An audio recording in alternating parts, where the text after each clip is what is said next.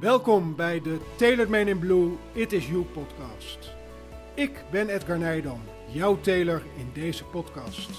Vanuit mijn Tailored Man in Blue showroom ontvang ik iedere week een inspirerende gast. Geniet van de verhalen, leer van de lessen en luister naar de boodschap van mijn gasten.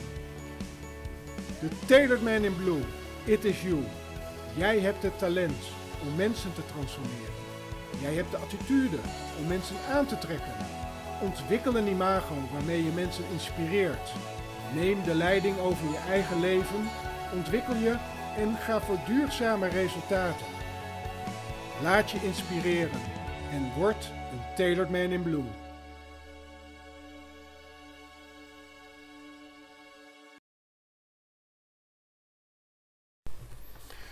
Ja, het is vandaag 1 oktober en vanuit de Tailored Man in Blue It Is You, It Is You showroom vandaag uh, wederom een inspirerende podcast. En tegenover mij zit de oprichter en voorzitter van Stichting Jort.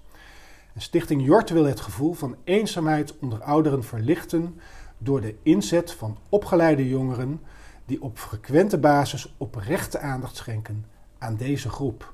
Jort staat voor aandachtschenkers. Aandacht aan mensen die in een zorginstelling of zelfstandig wonen, middels het maken van een praatje, het spelen van een spelletje of het maken van een wandeling. Vanuit het oprechte contact en de jeugdige spontaniteit van de aandachtschenkers zorgt Stichting Jort voor een positieve bijdrage aan het welzijn van deze mensen. Welkom uh, in de Tailored Man in Blue It Is You podcast. Erik Braquet, wat ontzettend leuk. Dat Dankjewel. Je uh, dankjewel, Edgar. Ja, ontzettend leuk. En wat, wat, wat, wat, wat een mooie woorden. Ik lees het net, net voor. En, en, en aandacht, oprechte aandacht. Want dat is waar jij je mee bezighoudt volgens mij in het leven. Um, en daar wil ik het straks heel graag met je over hebben. Want je, je doet echt iets heel moois. Ik heb daar ontzettend veel respect voor. Um, maar wellicht kun je eerst eens wat over jezelf vertellen. Wie ben je? Waar kom je vandaan? En um, hoe ziet jouw reis er een beetje uit? Een, een, be een, beetje kan ik het zeker uitleggen. Ja. Heel goed kan ik dat. Ik ben geboren en getogen in, uh, in Zeist. Ik ja. uh, ben nooit verder gekomen dan deze omgeving. Ik ben nu woonachtig in, uh, in Maren. Heb op het Revismuseum in, in Doorn gezeten. daar op school gezeten, nooit geweten wat mijn vervolgopleiding moest worden. En dat weet ik tot op de dag van vandaag eigenlijk niet wat ik nou echt wil worden als ik groot ben. Maar misschien komt het, krijg ik ook nooit antwoord uh, daarop. Ik ben uh, getrouwd met, uh, met Anouk. Zij is huisarts in, in Scherpenzeel. Okay. En ik heb twee zonen, Jort en Ties. Waarvan Jort, we zullen het zeker nog over gaan krijgen, overleden is. En heb mij altijd bezig gehouden met commerciële trainingen, commerciële vaardigheden vanuit het bedrijfsleven. Even heel kort wie ik ben. Ja. Ik ben enorm sportminded. Mijn vader was uh, sportleraar. En alle sporten zijn bij ons met de paplepel ingegoten. Dus als het over zwemmen ging, we hadden op uh, het terrein waar, mijn, uh, waar wij woonden, op Valkenheide, is dat in, tussen Maarsberg en Beersum. Dat was vroeger een internaat voor moeilijk opvoedbare jongens. Maar er zat ook een LTS, daar was mijn vader sportleraar. Hadden we een zwembad. En mijn vader mocht dus alle sport ook afnemen. Dus diploma's A tot en met F hebben we gehaald. maar als het gaat om spierwerp, het is alles wat maar met sporten te maken had, hebben we gedaan. Dus ik kom echt uit een sportersfamilie. Je bent een energiek mens dus. Nou, ik weet niet of dat de juiste is. ik heb wel veel energie, ja. Ja, ja dat, uh, dat absoluut. Want als je, dat, ik, ik, merk, ik heb vroeger ook heel veel gesport en ik sport nog steeds. Toevallig heb ik gisteravond ben ik voor het eerst weer gaan kickboksen. Een uurtje zaktraining. Ja, ja. Omdat ik toch het gevoel heb dat ik dat weer nodig heb uh, op mijn leeftijd. Maar als je vroeger als mens veel gesport hebt, heb je daar op latere leeftijd nog best wel veel baat bij. Nou, in ieder geval, als ik kijk naar uh, het overgewichtbeperking, waar we wat minder last van hebben, ja. dan heeft het absoluut in het voordeel. Ja. Nou, en, en, de laatste passie die ik dan heb als het over sporten gaat, is uh, padellen. Ik ben helemaal lijp van padellen geworden. Ik ben altijd een tennisser geweest. Ik heb 45 jaar getennist. En sinds drik jaar mijn tennisracket aan de kant gelegd en alleen nog maar aan padellen geslagen. Een soort tennis-squash Ja, tennis-squash combinatie. Dat is die sport die helemaal nu opkomt. Ja. En, en dat is dan wel weer het mooie trotse momentje als het over energie gaat. Uh, de sport is net nieuw en als er dan nog niet zo heel veel mensen zijn, dus nou ook even de bescheidenheid erin, ben je al snel in je leeftijdscategorie een van de betere. En vind ik het wel stoer dat ik op mijn 51ste een, een, een Nederland heb mogen vertegenwoordigen Kijk. tijdens een EK. Hoe vaak maak je dat nog mee voor een beginnende sport? Ja. Dus dat is gewoon ontzettend leuk. Dus, Ja. eh, dus daar stop ik heel veel tijd in, in het, eh in het padellen. Maar ook sowieso om gezond eh, te blijven en te zijn. Mooi. Dus hebt de eh, vogelvlucht. Je hebt dus revius gedaan in Doren. Ja. Eh, hier vlakbij. Ik heb eh, aan de overkant een tijdje gezeten op textielmanagementopleiding. Oh ja. Ehm, na revius ben je, ben je gaan studeren? Ben je, ben je meteen in het... Nee, in- ik, in- ben- dat is wel grappig. Ik, ik wist nog steeds niet wat ik moest doen. En mijn vader die heeft ooit in het, eh, die zat ook in het, eh, in het leger, heeft hij gezeten. En toen zei hij, als je nou in ieder geval op voor mij 15 of 16 moet je die, die test doen voor militaire dienst. Want eh, nou, voor mij, wij zijn een beetje van hetzelfde bouwjaar, een jaar jonger volgens mij. Maar ik had nog die militaire dienstplicht. Toen zei hij, als je dat nou goed invult, dan heb je in ieder geval keuze op het moment dat je in die dienstplicht moet. Want als je daar met je pet naar gooit, ja, dan word je ingedeeld in een onderdeel waar ze ook niet zo heel veel met je kunnen. Dus dat heb ik echt serieus ingevuld. En toen ik naar het VWO eh, gedaan te hebben, en dat is wel een bijzonder verhaal. Ik zat op het Revius en daar had ik al altijd iets, nou ja, recalcitrant is misschien niet helemaal het juiste woord.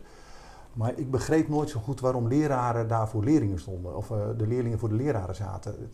Uiteindelijk moet hij mij iets leren. Nou, ik heb het eerste jaar eh, in het Revius dat ik in de vijfde zat, dan kom je natuurlijk steeds dichter bij die beroepskeuze. Hè, wat, wat wil je gaan studeren, et cetera. Ja. En Edgar, ik had gewoon geen idee. Ik wist echt niet. Ja. Dus ik had één besluit genomen. Dit jaar ga ik gewoon even voorzichtig overdoen.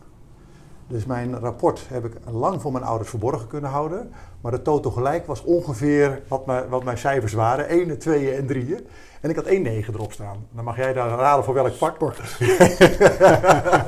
daar heb ik uiteindelijk de 9 voor, eh, voor gehaald. Maar toen dacht ik van, ik, ik doe gewoon het jaar eens even waar ik zin in heb. Nou, dan kan zo'n school als het Revius, wat toch een hele traditionele school is, niet zo goed mee overweg. Omdat weet je, op, op heel veel van die scholen geldt natuurlijk een hele grote grijze massa. En alles wat daar buiten valt, is gewoon moeilijk om dat te sturen. En ik was echt een jongen die daar echt buiten viel. Want ik, ik, ik challenge de leerkrachten. En Op het moment dat iemand mij iets uitlegt en ik snap het niet, dan wil ik graag dat hij het nog een keer uitlegt. En misschien nog wel een keer. En uiteindelijk merk je dat er in, in, in die tijd stonden er heel veel leerkrachten die stonden voor zichzelf. Die stonden streepjes op de muur te zetten om, ja, ik moet nog twee jaar, ik moet nog drie jaar. Ja, dat was totaal niet mijn cup of tea. Je bent er om iemand iets bij te brengen, om dat inspirerend te doen, om te zorgen dat mensen het ook leuk vinden om dat te leren. Ik vind het altijd bijzonder, en dat, daar kom ik zo meteen ook nog even bij, bij Jort ongetwijfeld op terug, is dat hoe kan het nou dat je geeft hetzelfde vak twee leraren en de gemiddelde bij de ene klas is een, wij spreken een 6 bij die leraar voor hetzelfde vak en bij die andere leraar is gemiddeld een 7,5. En wat zegt die leraar dan? Ja, dat ligt aan die kinderen. Nee, dat ligt aan de energie van de leraar. Maar nou, hoe die dat, zich presenteert, hoe die dat overbrengt, Nou. hoe, die, hoe die mensen inspireert, hoe hoe, leuk die kan je een mensen vak raakt. Nou, hoe leuk kan je een vak maken? Hoe, Ja. Je kan elk vak leuk maken, maar dat heeft de man of de vrouw die ervoor staat, die bepaalt dat. Ja. Nou, dat was ik altijd aan het challenge. Toen zat ik op het Reefjes en toen moest ik dus de tweede keer de vijfde doen. Ja, en daar begon het bij mij al dat ik dan uiteindelijk een- voor de tweede keer bij diezelfde man zat. En dan zei ik, meneer, mag ik u een compliment geven? Nou, dan, oh ja, graag. Ik zeg, nou, ik vind het echt knap van u. U leest diezelfde bladzijde op dezelfde manier weer voor. Dat doet u waarschijnlijk al 30 jaar. U maakt dezelfde grapjes, niemand lacht er nog steeds om. En ik snap er nog steeds geen zak van. Vond hij niet leuk. Nou, hij, Edgar, hij had iets anders verwacht. dus wat is dan de eerste reactie wat hij doet? Is mij uit de les zetten. Nou, dat heeft ervoor gezorgd in ieder geval dat eh, ook de tweede keer, de vijfde, niet succesvol afronden. Want op een school kunnen ze daar niet zo heel veel mee. Dus uiteindelijk werd ik toen eh, afgeserveerd. Of, eh, Dus je hebt je VWO VWO-diploma niet mogen halen. Wel, ik ben daarna naar de Munnik in eh, Utrecht gegaan. Dat was een particuliere school. En daar mocht ik wel meteen naar de zesde toe. Omdat ze ook het verhaal, er zit een heel verhaal achter, dat zal ik hierin besparen. Maar dan zie je, uiteindelijk is het schoolsysteem niet in staat om met alles wat buiten de, de, de, de massa valt, buiten de norm die gesteld is, valt, ja, kunnen ze niks mee. Nou, dat, en dat, dat is iets wat ik wel zo wel met, met, met eh, nou ja, het hele Stichting Jort verhaal zal ik maar zeggen, toelichten, wat daar de filosofie achter is. Maar uiteindelijk ben ik toen in dienst gegaan. En toen ik me daar aanmeldde, kon ik eh, bij de luchtmacht als eh, officier aan de, aan de slag. Toen dacht ik, hé, dat vind ik wel mooi om eh, te doen. En als ik ergens mijn zinnen opzet, dan gaat het ook gebeuren ook. Dus eh, uiteindelijk wel gewoon die officiersopleiding gedaan. Eh, en na mijn diensttijd, eh, toen dacht ik, nou, dan ben ik 24 maanden verder. En dus ik heb eh, bij de luchtverkeersleiding eh, mogen zitten op Nieuw-Milligen. In zo'n onderdeel, dat is ook wel grappig om te stellen. In zo'n onderdeel waar, eh, een klein onderdeel. En als je natuurlijk een sporter bent, dan is dat militaire dienst is heel erg gericht ook op sporten. Ja. Dus Erik zat in het volleybalteam. In het tafeltennisteam, in het tennisteam, in het schaatsteam, in het voetbalteam. In elke sport die je maar kon verzinnen, stond Erik Brakewi. het onderdeel was zo klein dat de keuze ook niet zo enorm groot uh, was. En dat was elke dag sporten, sporten, sporten in dienst. Want dat was super fit. Ja, het was echt uh, bizar. Bijna twee jaar gewoon een soort sportvakantie. Het was echt een sportvakantie. Ja. Ik heb alles gedaan en, en, dat wordt ook enorm gestimuleerd in, uh, in militaire dienst. Ik heb wel door, door de officiersopleiding extra bij moeten tekenen, omdat die, uh, die langer duurde. En na 24 maanden kom je dan uit dienst. En toen wist ik het nog steeds niet. toen dacht ik, hmm, wat moet ik nu doen? En toen ben ik begonnen bij vrienden van mij, die hadden een nieuw pand gekocht. En ik heb wel twee rechterhanden, dat heb ik bij, uh, van huis uit ook meegekregen. Toen zei ik, nou, wat moet er gebeuren? Toen zei ik, nou, dan moet hier geschilderd worden. Prima, ga ik schilderen. En toen het schilderen klaar was, toen zei ik, wat moet er nu gebeuren? Nou, moet het netwerk geïnstalleerd worden. Ik zeg, hoe werkt dat? Zo, nou, laat maar zien. En ik ben echt iemand, ik moet, je moet mij niet achter de boeken zetten. Laat mij het maar zien. Dan, uh, dan kan ik het. En uiteindelijk doen. En uiteindelijk doen, ja. Dus, uh, dus zo ben ik in de automatisering terechtgekomen. En in de automatisering ben ik begonnen met het in elkaar zetten van computers, het repareren van computers. En uiteindelijk uh, steeds meer, uh, dat waren dan de Macintosh uh, computers. En steeds meer in de grafische industrie een dienstverlening gemaakt. Toen ben ik bij een bedrijf gaan werken. En na een hele korte tijd had ik erachter, ja, maar dit kan ik zelf ook wel. Dus toen heb ik besloten, dat ga ik zelf doen. Dus toen ben ik uiteindelijk voor mezelf begonnen. Heb ik hier in Zeist een computerbedrijf begonnen, MakeSense. Waarbij ik met name service en support leverde aan grote grafische bedrijven. Want in de tijd toen ik dat deed, praten we over ja, begin jaren negentig is dat uh, geweest. Dat was wel in de opkomst eigenlijk. Je zat eigenlijk meteen al in de, in de, in de ja. goede hoek. Ja, ik zat absoluut in de goede hoek. Ja. Zeker. En dan was het ook nog zo, de Macintoshes waren in die tijd echt een vreemde eend in de bijt. Je had uh, bij, nou, ik zat bijvoorbeeld bij Heineken in uh, Zoetermeer, hartstikke mooi. Maar wat hadden ze? Ze hadden 600 pc's staan en vijf Macintoshes. Want er zaten een paar weirdo's achter een computer grafische dingetjes te doen. Ja, daar kon die systeembeheerders totaal niet meer overweg. Nou, die, die bediende ik. Want ik snapte wel altijd dat spel, wat jij hier ook doet. Hè, is op het moment dat je wel de zakelijke taal spreekt.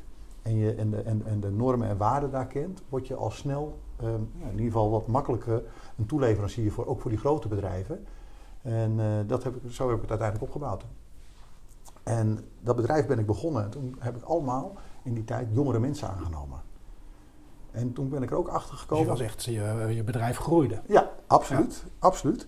Alleen wat je krijgt als je alleen maar jongere mensen aanneemt, dan stopt het leren voor jouzelf.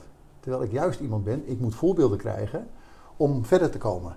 En niet de hele tijd hetzelfde doen. En als je dan, het was de opkomst van internet. Dus uiteindelijk krijg je ook partijen die dan uh, uh, websites gebouwd willen hebben, et cetera. Nou, dat deed ik. Kreeg steeds grotere opdrachtgevers, maar het kunstje was hetzelfde.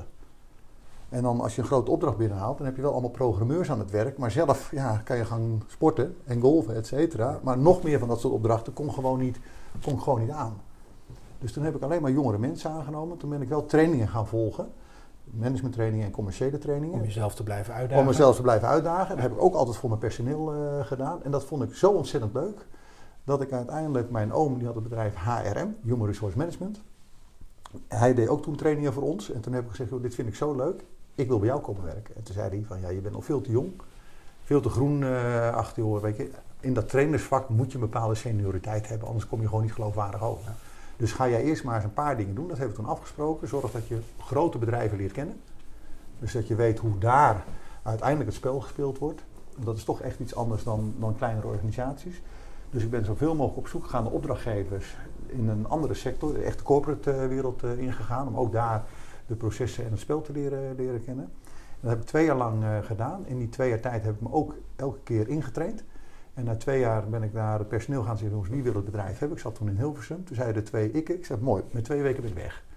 En toen heb ik mijn auto meegenomen en mijn laptop. Ben ik naar Renen gereden, daar zat HRM. En ben ik bij mijn oom in de leer echt gegaan. Hoe ga je trainingen doen? Nou, daar hebben we het al kort even over gehad. Hoe maak je dus je zet, een, je zet een computerbedrijf op. Ja. Dat groeit met jongeren. Ja. Je haalt daar niet de voldoening uit die je nodig hebt voor jezelf om te blijven groeien. Blijf jezelf te blijven ontwikkelen. Ja. Challenge. Het werd een soort van kunstje. Ja. Dus Erik Braquet besluit gewoon om zijn computerbedrijf te verkopen en een volgende stap te nemen in zijn leven. Ja. Trainer worden. En je wist nog steeds niet wat je wilde. En ik weet nog steeds niet wat ik wil doen. Kijk. maar het wordt wel steeds helderder. ik, ik, er zit wel een, een, lijn in. Want volgens mij wordt het steeds helderder in jouw leven. En, um, en dit is alweer een tijdje geleden. Ehm, ik neem aan dat je toen ook eh, eh, ging, eh, getrouwd bent en, en, en, en, je had het over twee, twee zoons. Ja. Dat je twee zoons hebt gekregen, dat je vader werd. En, ehm, en in die periode ben je dus het, het trainersvak gaan Ja. ontwikkelen. Ja, eh, eh, toen, toen de kinderen geboren werden, toen hadden we nog, eh, had ik nog het computerbedrijf. En ergens voel je dan dat je stilstaat en dat je niet groeit. En ook voor mijn kinderen vind ik altijd, je moet jezelf blijven uitdagen. Het is wel een les, vind ik dit. Hè? Dat je stilstaat en niet groeit. Op het moment dat wij een bedrijf beginnen, of dat was, dat heb ik hier ook meegemaakt. je doet op een gegeven moment een kunstje. Wat jij ook al zei over die leraar die ook Ja. een kunstje deed. En, en op het moment dat dat kunstje een kunstje blijft, ja, dan wordt je leven wel erg saai, hè? Het, het voelt niet echt vaak meer. Nee. En dan, dan als het een kunstje wordt, dan, eh, als het gaat over aandacht en, en, en echte betrokkenheid met dingen, ja, dan gaat het ook niet meer werken. En dat voelt de andere kant ook. En dat merkte ik natuurlijk uiteindelijk bij mezelf. Het personeel merkt dat dan, je klanten merken dat dan. Ja. En dan denk je, ja, maar de passie is weg. Ja. Dus je moet iets met je passie gaan, eh, gaan doen. Dus tijd voor een nieuwe stap. Jij ging Ja. de coachingwereld in, de trainerswereld. Helemaal nieuw. Ja. En dat lijkt heel nieuw, maar uiteindelijk heb ik mijn hele leven altijd vragen gesteld aan mensen. Dat deed ik als jochie al. Hè. Dan kwam ik bij vriendjes thuis en dan ging ik het gesprek voeren met die ouders. Wat doe je nou precies? Wat voor werk doet u dan? En hoe werkt dat dan? En hoe ziet uw maandag eruit? En uw dinsdag eruit? Ik was gewoon geïnteresseerd. Want ik ben namelijk super nieuwsgierig. Ik wil altijd alles weten. Dus het maakt niet uit of het, of het over computers gaat, of over auto's gaat, of over kleding gaat, of over mensen gaat. Ik, ik wil gewoon weten, hoe werkt dat dan? Nou, en, dat, en die nieuwsgierigheid, die kan ik in het trainersvak wel enorm kwijt. Omdat je bij enorm veel verschillende soorten bedrijven en met verschillende soorten mensen in aanraking komt. Dus je staat in fabriekshallen te kijken hoe dingen geproduceerd worden. Je staat bij commerciële bedrijven, bij financiële bedrijven. Dus je kijkt altijd een kijkje in de keuken. En daarmee krijg je wel een hele brede scope over wat er allemaal te koop is. Ah, dat is superleuk. Maar mensen is gewoon superleuk. Dus, de, dus het, is, het klinkt nieuw, maar uiteindelijk ging het, wat, wat, wat, je ook, uh, wat je ook doet, is aandacht geven aan mensen. En dat deed ik al vanaf jongs, dat deed ik op school al, hè, ook naar medeleerlingen altijd. Maar ook uh, uh, vanuit mijn commerciële activiteiten met uh, destijds Make Sense. Het gaat om de connectie maken. Dus dat is en daar beetje, doe je zaken mee. Dat is een beetje de, de rode draad in jouw leven. Ja. Um, ik denk vanuit jouw jou, jou start bij HRM. Ja, Human Resource Management. Is uiteindelijk Vendito ontstaan? Nou, nee, dat, ja, het is er wel uiteindelijk uit ontstaan. Maar er is nog een lange weg. Is ja, er zit wel een hele lange weg tussen. En uh, een van de bekende uitspraken is: met familie moet je wandelen en niet handelen. En uh, uiteindelijk is daar een breuk gekomen in de relatie met mijn, uh, met mijn oom, waar ik onwijs veel van geleerd heb. Maar uiteindelijk, aan het eind van de liefde, ont, ontmoet je een vreemd iemand. en dus dan is het niet helemaal goed verlopen. ik heb ook geen contact, helaas niet, niet met hem. Overigens, dat is een keuze geweest die hij, uh, die hij heeft gemaakt daarin. Die respecteer ik. Uh, maar dan kom je wel opeens in een situatie tegen, hé, hey, we gaan uit elkaar. En ik ben heel makkelijk, ik laat heel makkelijk dingen achter me. Dus als het moment niet meer werkt, geef elkaar een hand ja. en zeg ik, joh, ik ben er klaar mee, ik ga verder. Ja. Je laat makkelijk los. Uh, heel makkelijk. Ja. Heel makkelijk. Want het heeft geen zin om, om over dingen na te gaan denken die ik toch niet meer kan veranderen. Ik kan wel de toekomst veranderen. Je leeft erg ook in het nu. Ik leef in het nu en naar de toekomst. Maar met name het nu. Ik weet, ik weet niet of ik er morgen ben. Dat weet niemand namelijk. En als jij ergens een telefoonnummer hebt van iemand die me dat kan garanderen, dan zou ik het fijn vinden. Ja. Maar voor mij heeft niemand dat. Nee. Nee, dus ik leef absoluut in het nu. En, en ik, ik, ik neem um, ook daadwerkelijk uh, actie op de consequenties van mijn keuzes. Die accepteer ik ook, maar ik ga er niet bij de pakken neerzitten. Dus ik laat, net zoals ik zei, het bedrijf bied ik achter me. Dat is dan twee weken weg en dan ben ik weg. Dan ben ik er ook los van. En dat was in dit geval ook. Maar dan sta je opeens, de keuze zorgde ervoor dat ik echt van de een op de andere dag thuis zat. En denk van, hé, hey, ik, ik was 50% eigenaar van een bedrijf waar ik nou niet meer ben. Ik heb het ook zo cadeau teruggedaan. En, uh, en nu? En daar is uiteindelijk wel Vendito uit ontstaan. Omdat het, het trainen zit uiteindelijk... Ondertussen had je wel wat helderder voor jezelf uh, welke richting je op wilde. Nee. nee. nee het kan. Als het maar om aandacht gaat. Als het maar, weet je, ik vind mensen heerlijk om uh, dingen mee te doen. En ik vind het leuk om mensen dingen te leren, om inzichten te geven. Waar ze, kijk, een van de thema's die ik altijd zeg, ik maak mensen bewust van onbewust gedrag. Dat is waar ik me mee bezig hou. En vervolgens maak je zelf dan de keuze om er iets mee te doen of er niks mee te doen. Maar weet in ieder geval dan hoe je overkomt op een ander of wat het effect is van jouw gedrag. En als er iemand een keer gezegd heeft tegen je, dan kun je daarop handelen. Het is niet dat ik zeg dat dat goed of fout is. Bij mij staat er, bestaat er geen goed of fout. Het is maar hoe je tegen bepaalde zaken aankijkt. En de ene keer doe je een bepaalde handeling en zeggen mensen top. En de volgende keer zeg je, doe je precies hetzelfde. En dan blijkt het volledig de andere kant uit te pakken. Dus ik weet het niet. Het is situationeel gebonden. Het heeft met de emotie te maken van mensen. Dus nee. Uiteindelijk is dus wel het heden en, het, nou, en, en daar is wel Vendito uit uh, ontstaan. Um, en met Vendito hou ik me ook bezig met training en coaching. Maar met name, wat ik met Vendito nu doe, is dat we hebben gezegd, je ziet mensen heel vaak in een vast patroon handelen. En ik vind het best wel bijzonder als we het over coaching hebben. Elke topsporter heeft een coach. Ja. Waarom heeft hij dat? Om beter te worden. Om het optimale uit zichzelf te halen, om zichzelf te blijven challengen. Maar ook in die emotionele momenten dat hij misschien even niet zo sterk is. Dat iemand hem kan steunen om ook in de meest dramatische situatie toch die topprestatie te blijven leveren. Want hij staat wel in een finale of hij moet wel die weg naar die finale gaan, eh, gaan halen. Dat heeft enorm veel met mindset te maken. En ik vind het best wel bijzonder hoe weinig in het bedrijfsleven er gebruik gemaakt wordt van coaching. Dus en, en zeker in commerciële trajecten, hoe, bij hoeveel bedrijven ik niet kom waarbij commerciële mensen nog nooit hun eigen gesprek hebben opgenomen. Ik vind dat bijzonder. Ik bedoel, Federer staat, staat te tennissen en die heeft een coach staan om toch elke keer te kijken of het niet nog even optimale kan, of het nog beter kan. En je hoeft hem echt niet meer te vertellen hoe hij zijn racket vast moet houden. Nee, ik denk dat hij misschien wel twee of drie coaches heeft. Want hij zal ongetwijfeld ook een coach voor zijn voeding hebben. Nou, en een coach voor dit en een coach voor zus. Om die topprestatie neer te zetten. En, en uiteindelijk verwachten we van elkaar hè, wel altijd topprestaties. Zeker in het zakelijk uh, verkeer, want ja, daar word je toch voor betaald. Ja. Maar de ondersteuning die dan geboden wordt, vind ik marginaal. En daarom raken zoveel mensen misschien wel in een, in een burn-out of, of in een stressvol leven. Ja, ja, eh, ik weet niet of dat. Ik heb altijd moeite met het begrip burn-out. Hè? Ja, oké, maar het is een, het is een het benaming. Is een, het is een benaming voor iets dat zegt: oké, iets klopt er niet meer in, je, in, in ieder geval je gemoedstoestand, je, je energie, je huis en, en, en, de drive die je dan moet, uh, moet gaan vinden. Hè? De oplossing is dan voor, voor de, de, de standaard uh, bedrijfsarts: we gaan eerst maar even vier weken thuis zitten. Nou, daar snap ik echt helemaal niks van. Maar dus, dus wat, waar het meer in zit, is dat je uiteindelijk zoek je naar, of dat vind ik onwijs leuk, om mensen inzichten te geven en te laten groeien. Nou, en Vendito hebben we gezegd, we hebben een nieuw concept uh, neergezet, uh, de wat-relatie, working apart together. Want dan kom ik ook op het verhaal wat, wat, nu dan de huidige situatie is. Ik ben Vendito toen begonnen, hebben een concept neergezet waarbij wij mensen één dag in de week uit hun dagelijkse routine halen en kom nou bij ons op kantoor één dag werken onder begeleiding van onze coaches. Maar je gaat wel gewoon je dagelijkse praktijk gewoon doen. Dus je gaat je offertes maken, je gaat klanten bellen, je gaat nieuw business bellen, et cetera. Maar wel onder begeleiding van vreemde ogen. Vreemde ogen, die dwingen. Ja. En dat heb ik, uh, twee jaar geleden zijn we dat uh, volledig gaan starten. En toen, nou, uiteindelijk, uh, zal ik zoiets over vertellen over het overlijden van Jort, gaan we het over hebben. Maar uiteindelijk ehm, kwam de corona ook. En als je dan je eerste zaal vol hebt zitten met mensen die na één dag alles cancelen, want er mocht niks meer.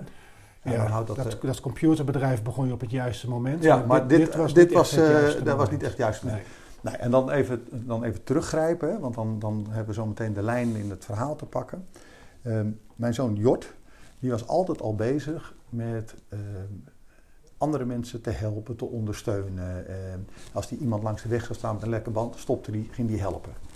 En eh, hij vond dat de wereld zo ontzettend verrot was en slecht was voor elkaar, et cetera. En dat we ons allemaal zo heel belangrijk vonden, terwijl we gewoon stofjes zijn in het heelal. Dus dat is wat, wat hij vertelde. En hij vond ook dat we als we naar werkgelegenheid van, van, van jongeren gaan kijken, dat we gewoon minimaal aanbod voor ze hadden. Ja, je kan bij de Jumbo gaan werken of wat dan ook. En toen ben ik samen met hem het Jort-platform begonnen, de Jort-app. Dus naast, naast de Venito-activiteit en trainingsactiviteit heb ik toen samen met hem een ontwerp uh, gemaakt voor een platform waarbij wij jongeren, een soort heitje voor karweitje, de gelegenheid boden om uh, te kunnen gaan werken onder het mom.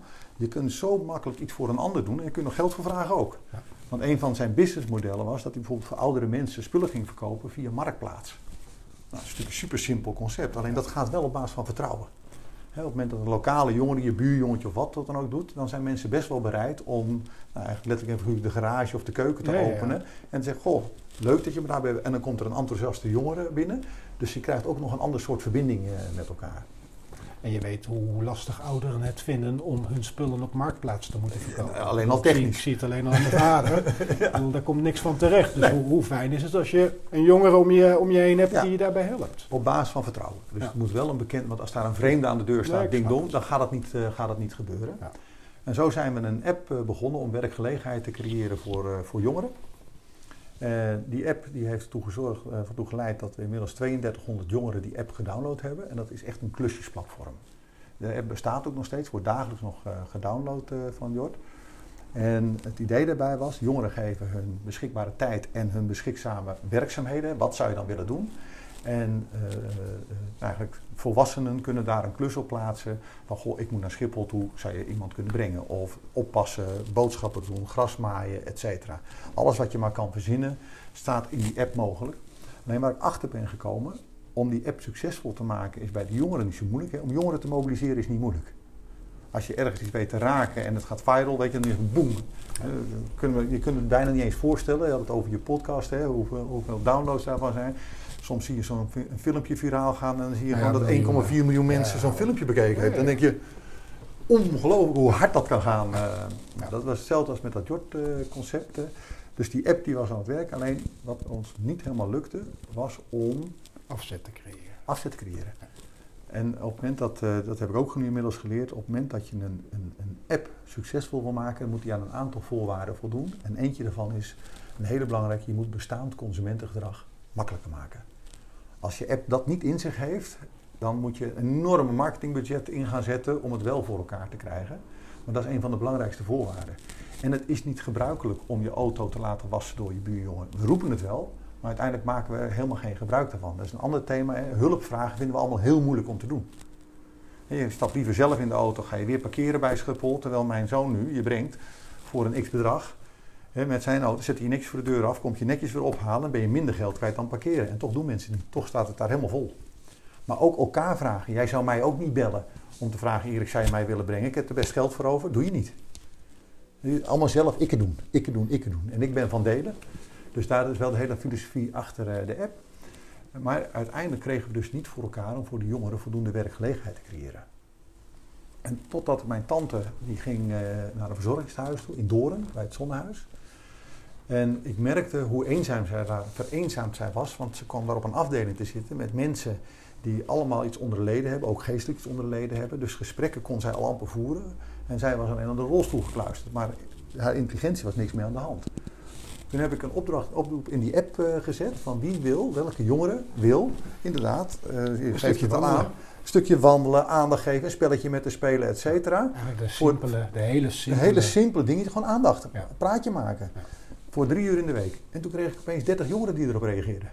Die dat wel wilden doen. Toen dacht ik, hé, hey, daar hebben we de klik naar de werkgelegenheid. Dat zit hem in die hoek. Dus het is ontstaan. Hè, dus je had in je intro al even over eh, de eenzame ouderen waar we het over gaan hebben. Ja. Daaruit is het ontstaan. En, en toen dat uiteindelijk begon te lopen en de opdrachten daarin kwamen, ja, toen overleed mezelf. En dan kom je op ineens in een heel ander... Uh, dus dat is nog niet heel lang geleden? Dat is 2,5 jaar geleden. Ja. Dus, die, uh, dus dat was eigenlijk in het, de start van Vendito, hè, het nieuwe concept Vendito. Net de app die begon te draaien, toen kwam het overlijden. En Jort heeft besloten om, om een einde aan zijn leven te maken zelf. Terwijl hij op wereldreis was in Australië. Jeetje. Dus dat is een, een, een, heel bizar, raar verhaal. Wat een klap, een klap en nog eens een hele grote klap. Ja, het kan een beetje... Helemaal als ik hoor... Ik bedoel, als je het over Jort hebt, dan is dat een van jouw inspiratoren. Ja, nee, maar dat is, dat is toch zeker? Dat is toch zeker? En dan verwacht je niet dat er zoiets gebeurt in zijn leven. Nee, kijk, uiteindelijk, uh, uh, nou wat ik net al even zei, hè, Jort vond wel dat we zo slecht met elkaar omgingen en dat de wereld zo uh, verrot is. En dat, ehm, dat we te weinig aandacht voor elkaar hebben, terwijl we eigenlijk allemaal niks voorstellen. Dat was zijn filosofie. Hij was vol in de zwarte gaten en universum, daar was hij mee bezig, want daar zaten oplossingen volgens hem. En uiteindelijk heeft hij op het reefjes uh, heeft hij, uh, afgerond en toen zei hij, ga jij nou eens een jaar gewoon eens even reizen eerst, voordat je meteen weer in een volgende studie gaat, dan leer je wat van de wereld uh, kennen. Ja. Dat is hij gaan, gaan doen. En toen zei hij al een keer tegen mij, want hij, uiteindelijk als je dan met name beta gericht bent, hè, is de TU Delft is een logische stap, vriendjes gingen daar naartoe. En toen zei hij wel al een keer tegen mij van, goh, TU Delft, ik weet niet of ik dat moet doen, want dan word ik zo beperkt in mijn denken. Dan word ik in een tunnel gezet en volgens mij zit daar niet de oplossing. Want hij wilde graag de wereld een beetje mooier maken. Hij wilde iets doen voor de wereld om het betekenisvoller, mooier te maken. En dat zat hem voor hem niet altijd in een technische oplossing bedacht vanuit de TU. Dat kan ook op hele andere fronten zitten. Dus dat zei hij al een keer tegen me. En later, en, en ik weet niet of ik dat voor mezelf verbeeld heb of dat hij het echt gezegd heeft, ik weet het niet meer, maar om het een plek te geven waarom hij uiteindelijk uit het blauwe hinein een einde aan zijn leven heeft gemaakt. En ik vertelde er ook over, hij was met vrienden, zat hij in Melbourne in een appartement. Ze zitten gewoon met z'n vieren daar, of met z'n vijven zaten ze er. En er is wel iets te veel uh, gedronken, het was drie uur s'nachts. En drie gaan er buiten roken en hij forceert de suicide locks van de raam en springt naar beneden, van 48 hoog. Geen enkele aanleiding, helemaal niets. En, dat, en dan moet je het dan weer doen, uh, Edgar. En dan, uh, kijk, dan hoeft het verhaal wat daarna dan zit, dat nee, je je vliegtuigje is, naar, naar Australië moet om je zoon op te halen. Dat is, maar uiteindelijk, zei die, heeft hij ooit tegen mij gezegd, hè, en, en, daardoor, ik probeer natuurlijk een plek te geven en niet zozeer waarom hij het gedaan heeft, want dat antwoord ga ik toch niet vinden. Nee. En daar ben ik ook totaal niet naar op zoek om dat te gaan vinden. Dus het is voor mij geen vraagteken, het is een uitroepteken. Ik heb een fantastische zoon 19 jaar lang gehad. Die, die, waar we enorm veel uh, plezier aan hebben beleefd en hij hoop ook aan ons. hij heeft ooit tegen mij gezegd, papa, ik zou de wereld graag heel veel mooi willen maken, maar ik weet niet of dat hier kan. En dat is het enige houvastje even wat ik voor mijzelf heb. Ja. Dat, ik, dat ik hoop en ik geloof dat er meer is tussen hemel en aarde. Dat dat maar dat hij, dat, dat, dat hij al zijn kennis en kunde, want het was echt een enorme briljante jongen. natuurlijk zeggen heel veel mensen dat van hun, uh, van hun kind. Maar deze jongen is echt een hele bijzondere jongen. Uh, uh, van, van een virtuoos pianist die zichzelf aan heeft geleerd naar extra vakken op het redius doen zonder de, de, de, lessen te volgen en dan met een negen eindexamen halen. Maar ook nog eens een keer enorm empathisch en, en gevoel voor andere mensen. Dus zo'n nerd, maar zijn eigen bitcoins maken. Maar details hebben in fotografie voor de kleinste dingetjes, want dat is ook een van de dingen. We, we lopen overal maar aan voorbij, we zien niet eens meer de schoonheid van, van de wereld. En dan, ja. dan stond hij weer met zijn iPhone foto's te maken. En uh, Edgar, je weet niet wat je ziet. Zo ontzettend mooi. Maar ik denk te veel. Te veel. Ja. Nou, en uiteindelijk uh, nou ja, moet je dat dan een, een, een, plek gaan geven. En, en Jort is wel mijn inspiratie geworden. Want uiteindelijk begon de Jort-app te lopen. En, en dan ga je jezelf afvragen, wat voeg ik dan nog toe in een verhaal? Dus één, dat heeft met ouder worden te maken, denk ik. Dat je jezelf ook af gaat vragen, welke betekenis heeft dit nou eigenlijk allemaal? Word ik hier nou blij van? We hadden in het voorgesprek er al even over hoeveel mensen ongelukkig, meen ik, te herkennen rond te lopen. En, en er zijn natuurlijk altijd wel onderzoek ook naar gedaan. Hè, dat als je mensen financiële vrijheid zou geven, wat zou je dan, zou je dan blijven doen wat je doet? En dat dan 76 van nee, dan ga ik iets anders doen. Dat is toch best bijzonder, hè? dat we ons zo laten beperken in, in, in, in de wereld die we voor onszelf ja, gecreëerd dus hebben. de angst die regeert en die alleen maar wordt uh, aangewakkerd, natuurlijk, in de maatschappij waarin we leven. Ja, nou ja en, en, en je moet voldoen aan een aantal dingen, zo simpel is het. Zo niet dan. Uh, nou ja, het is wel grappig als je dat zo zegt, hè? de angst. Hè? Er is bij mij wel iets geknakt door, voor het systeem. Hè? Dus ik ben altijd wel wat recalcitrant geweest. En dat is met name onze overheid. Weet je, dan, dan krijg je als ondernemer te maken met toch wel een heftige, dramatische ervaring, die voor mij onbekend is. Dat heeft toch echt wel, moet dat een plek uh, krijgen. Dus ik ben een half jaar gewoon echt van de kaart geweest. En dat herkende ik helemaal niet bij mezelf. Dat, eh, dat je, ik heb natuurlijk wel eens mensen tegenover me gehad in mijn coachingsessie die dat beschrijven, maar dan kan je toch niet helemaal plaatsen. Maar ik gewoon zwarte gaten. Dan had ik met jou een gesprek bijvoorbeeld en dan liep ik weg en wist ik niet eens hoe je eten. Ik wist eigenlijk niet meer wat ik verteld had dat is best voor jezelf om dat een keer mee te maken, dat je gewoon zwarte gaten in je gedachten hebt. Ik, ik kan best wel uh, uh, eens een keer doorgezakt zijn op een avond, maar, ja, nooit, dan, dan nooit dat soort reden. Maar, dan, maar dan nooit totale blackouts. Maar, maar, maar, dan nooit ook, zelfs dan nooit een blackout gehad. Nee. Maar nu dus volledig even van de kaart af, uh, af zijn.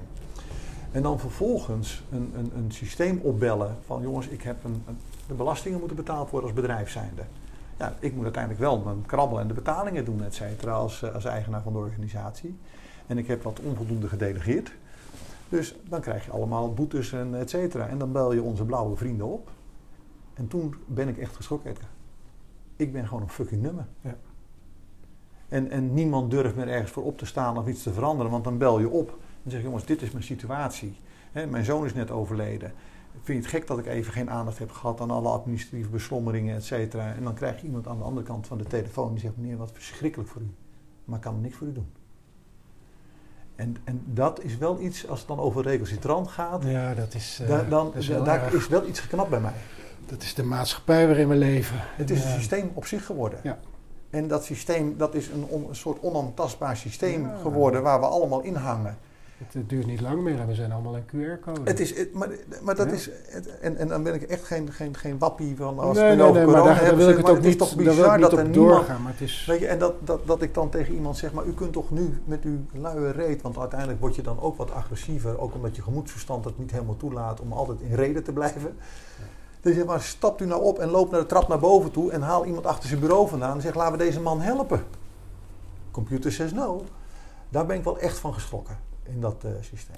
En toen kwam ik eh, uiteindelijk wel weer, eh, eh, heb mezelf beetgepakt van wat wil je dan?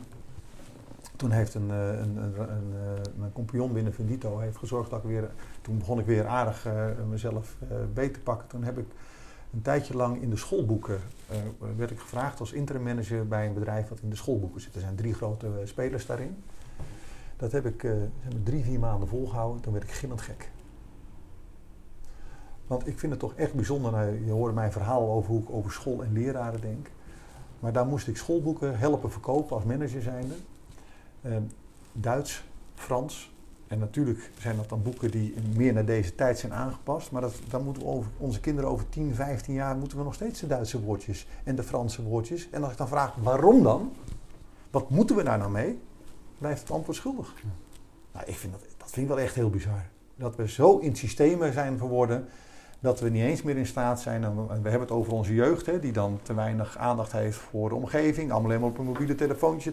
Maar het hele schoolsysteem kan ook niet anders zijn.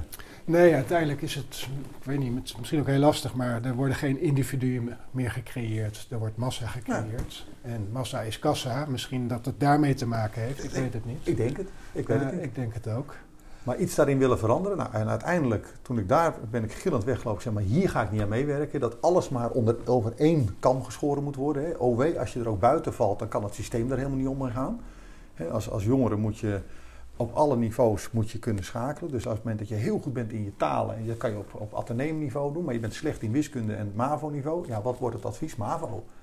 Want we gaan altijd uit van het minste talent. Dat is eigenlijk best wel bizar. En dat gaat door tot aan universitaire opleidingen. Want er zijn, beginnen nu scholen te komen die daar rekening mee gaan houden met talenten. Maar ja, we hebben wel een staatsexamen te doen. En dan gaat de norm weer. En we, nou, dus, dus daar dacht ik, ja, maar dit wil ik niet. Nou, het gedachtegoed wat ik uiteindelijk heb gedaan met, eh met Jort, toen dacht ik, maar ik wil ook iets betekenisvol blijven doen. En het is niet alleen maar meer dat, eh, dat geld najagen, want dat heb ik al lang geleden achter me gelaten. Maar de maatschappij verwacht het wel van je. Ik heb heel veel in de media heb ik trainingen gegeven aan, eh, voor eh radiocommercials te verkopen, secondes verkopen, GP's verkopen, millimeters verkopen. En ergens is daar wel een kentering gekomen dat ik dacht, ja, maar wa- waarom ben ik nog mee bezig? Waarom ga ik de Action nog helpen om kaasschaven met ledverlichting in de markt te doen voor een euro, Ja. die we na een week wegflikkeren? Ja, dat is Ja. niet echt zinvol. Hè? Nou ja, weet je, maar uiteindelijk vinden we het zinvol, want dan zegt de Action, ja, maar weet je, we krijgen weer 200 winkels erbij, hè? Dan gaan we 1500 producten voor minder dan een euro in die markt douwen. Er worden dan Chinese rotzooi hier naar binnen. Ergens gaat het systeem gewoon niet meer kloppen.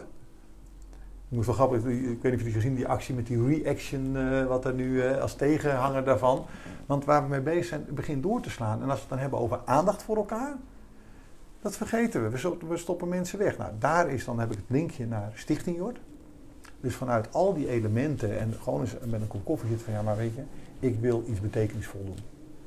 En hoe mooi is het als je je zoon, hè, zijn naam voortaan, maar ook zijn gedachtegoed, hè, om iets mooier, de wereld een beetje mooier te maken.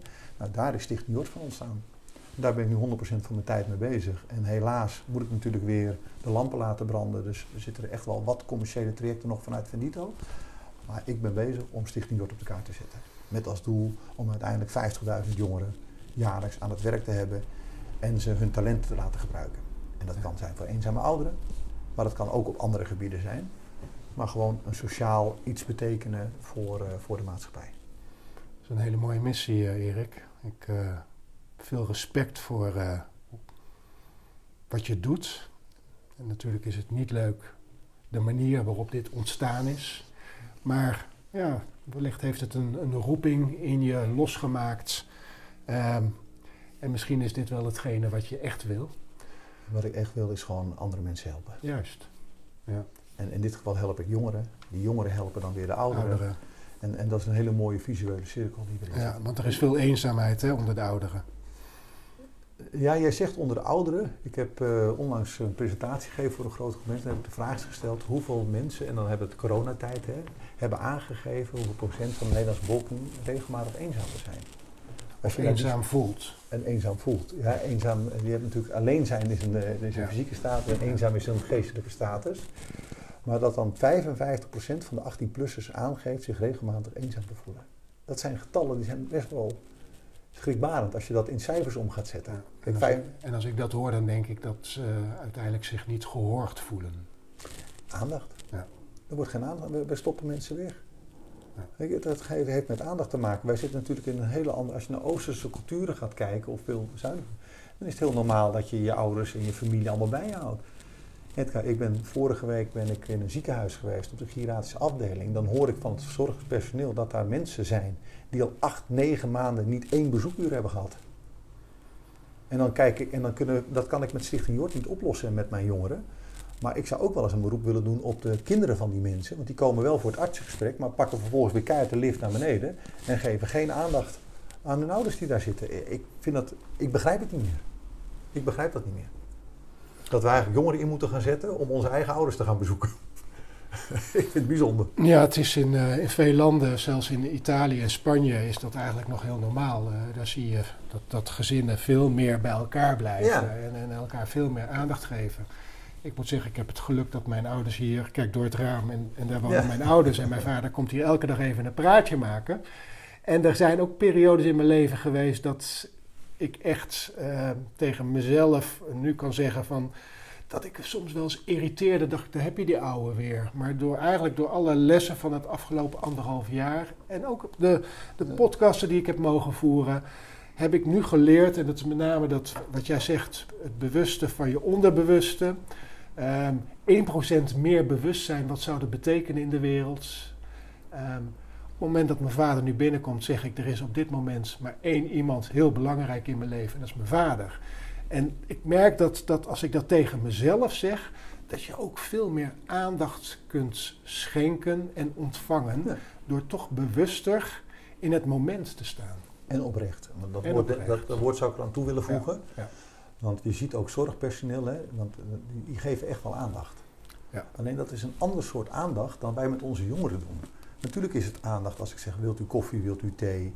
Maar er is gewoon geen tijd voor om oprechte aandacht te geven. Om eens echt naar het verhaal van iemand te luisteren die, daar, die daar zit. echt luisteren. Maar ook echt luisteren en daar de tijd voor nemen. En daar trainen we onze jongeren voor, die leiden we daarvoor op. Hè. Het is een zesdaagse opleiding die we onze jongeren geven. Dat is al heel waardevol. Je noemt het ook wel aandachtschenkers. We noemen het aandachtschenkers, ja. ja. Maar die opleiding moet je voorstellen, dat bestaat uit luistervaardigheid, maar ook gewoon, gewoon sociale uh, waarden en normen. Uh, maar ook een signaleringsfunctie hebben ze. Dus als ze bij mensen komen, moeten ze zien: is dit pluis of is dit niet pluis, het gedrag wat iemand uh, laat zien. Dus na die zes dagen zijn ze gecertificeerd, zover ik dan mijn eigen certificering gemaakt heb, als aandachtschenker. En daarmee uh, krijgen ze dan een betaalde bijbaan waarbij zij bij ouderen langs gaan. En voor de ontvanger is het altijd kosteloos. Dus in, in jouw intro zei je al, voor wie is die aandacht dan? We hebben gezegd, of je nou 0 euro hebt of een miljoen op je bankrekening, het interesseert me helemaal niet. Iedereen heeft recht op wat extra aandacht. En het zorgsysteem is natuurlijk alles zo, waar alles draait om geld. En daarvan hebben wij gezegd, het enige wat ik nodig heb, eh, dat is ook pleidooi wat ik natuurlijk hou, is ik heb donaties nodig om die jongeren op te kunnen leiden en ze wel een salaris te kunnen geven om dit systeem draaiend te houden. Maar het mooie is, we geven aandacht aan jongeren en we maken gebruik van hun talenten. Is een soort sociale maatschappelijke dienstplicht maken we ervan. Als aansluiting op de vaak maatschappelijke stage die ze op de middelbare school al moeten doen. Alleen dan houdt het vaak op. Hè. Dan is het niet opeens, oh we hebben allemaal bij. Nee, je doet een maatschappelijke stage en waar is dan je bijbaan? Bij een van de grote retailers. Hm? Dat is eigenlijk best wel bijzonder. Dus wij creëren een alternatief qua bijbanen in het sociale domein. En, en uiteindelijk is dat een, een, betaalde rol. En waarmee we ook nog eens een keer aandacht schenken aan mensen die het nodig hebben. Dus het is eigenlijk een win-win win, situatie. Ja, het is drie keer winnen. Ja. En, ehm, en daar, heb je, daar heb je echt steun bij nodig. Daar heb je donateurs voor nodig. Ja, zeker. Ehm, ik kan me voorstellen dat, dat, dat, dat, dat mocht je in de situatie zijn dat je de bankrekening hebt om dit makkelijk te kunnen betalen. Het hoeft niet, hoor ik net van jou. Ehm, maar ook die mensen hebben oprechte aandacht nodig. Ja, mogelijk zou daar een deel van de donateurs kunnen zitten. maar ik denk ook gewoon bedrijven. Ja, hoe, hoe, hoe, hoe krijgen mensen, ik bedoel, hoe, hoe komen mensen met Jort in contact en hoe kunnen ze eventueel donateur worden?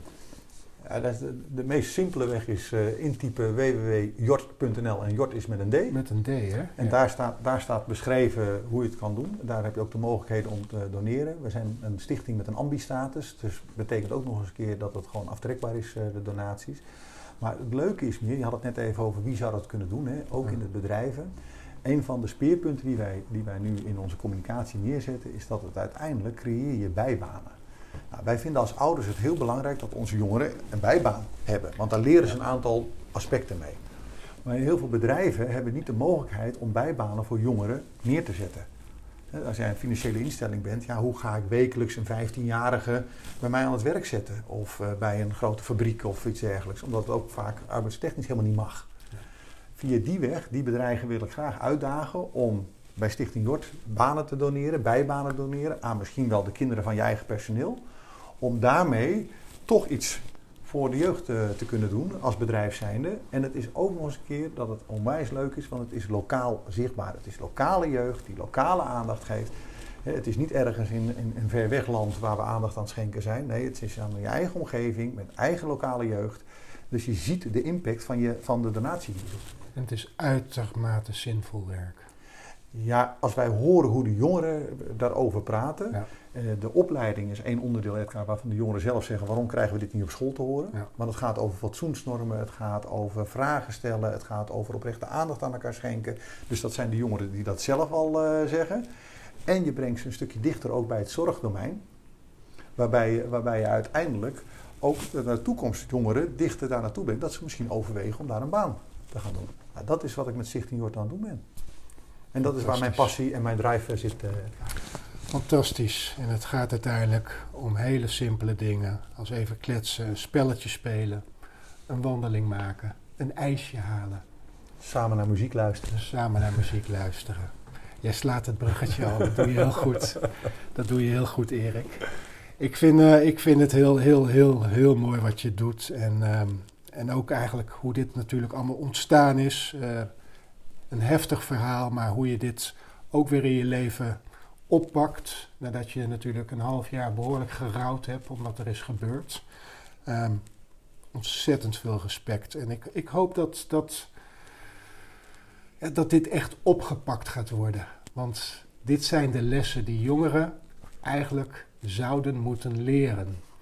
En, ja, ehm, en, en, en, en misschien onbewust wel meekrijgen vanuit huis. Hè? ja, en maar onbewust heb je het over inderdaad. nou ja, wat je, wat je vaak ziet, hè, dat merkte ik bij mijn eigen kinderen. Die, dan zeggen andere mensen, goh, die jongens zijn van jou, die zijn wel heel netjes, hè, die doen alles.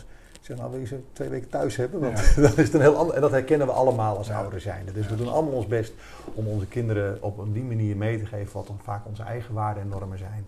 En ze weten het donders goed, maar het is wel, ook in dit geval, vreemde ogen dwingen. Als je luistert, eh, google even www.jort met een d.nl. En ehm, ja, mocht jij een van de nieuwe donateurs worden, super dankjewel. Mocht je nog eh, bedrijven kennen, mensen kennen waarvan je denkt van hé, hey, dit is iets eh, voor, voor hen of voor hun of voor hem of voor haar. ehm, trek aan de bel, want dit is echt iets heel moois ehm, waar Stichting Jort mee bezig is. En je sloeg net al even het bruggetje naar muziek. Want daar gaan we ook deze podcast weer mee eindigen. Ja. Muziek speelt bij veel mensen, denk ik, een grote rol in het leven. Ik, bedoel altijd, ik zeg altijd geen dag zonder muziek. Ja, dat bestaat bij mij eigenlijk niet. Muziek eh, zorgt voor blijdschap, zorgt voor emotie, zorgt voor een lach, zorgt voor een traan. Ook bij de ouderen. Ik denk eh, dat muziek voor ouderen ja, ook veel betekent. Ehm, welk muzieknummer, Erik, komt bij jou op? Ja, die, is, die is voor mij heel makkelijk, Edgar. Die is heel makkelijk. Ja, die is heel makkelijk. Ehm, we hebben zelf een piano thuis staan. En Ja. zei, Jort heeft zichzelf piano eh, leren Ja, spelen. vertelde je, ja. Ehm, tegenwoordig is de jeugd zo handig met YouTube. Dan gaat die iPad op de, op de vleugel staan. eh, waarbij ik normaal gesproken nog de noot heb leren lezen. Kon hij geen noot lezen, maar virtuoos piano spelen. En een van de eerste nummers wat hij zichzelf geleerd heeft is de Piano Man van Ah. Billy Joel. En dat is zo'n mooi lied. Een van mijn favorieten. En, daar, en het mooie in dat liedje, daar komt ook voor dat mensen hun talenten niet optimaal gebruiken. Hè, dat, dat die daar zit, Terwijl die zijn potentie veel verder kan zoeken. Dus dat vind ik de achterliggende boodschap erin. Maak nou gebruik van je uh, talent en ga er dan ook achteraan. Doe daar iets mee. Prachtig. Dus Piano Man van Billy Joel. Uh, die ga ik met heel veel plezier ga ik, uh, die straks opzetten. En ja, we zijn aan het einde gekomen, Erik, van dit, uh, dit prachtige gesprek. ik heb enorm veel respect voor je en ik, waar ik je kan helpen, ga ik je ook zeker helpen. Um, want jouw verhaal over aandacht, oprechte aandacht, dat, dat raakt mij echt. En um, ik hoop dat er veel aandachtschenkers in Nederland ja zullen zijn. Dankjewel. Ja, ook dankjewel voor je tijd en voor de, de uitnodiging. Heel graag gedaan. En uh, ja, volgende week natuurlijk weer een uh, inspirerende podcast. Dit keer met een, CEO die eigenlijk besloten heeft om uh, ja, alles los te laten en zijn passie en zijn droom te gaan leven. Dus dat sluit ook wel een beetje aan op waar wij het over gehad hebben. Um, ik dank je wel voor het luisteren. En uh, ik, uh, ik hoop dat je de volgende week weer bij bent.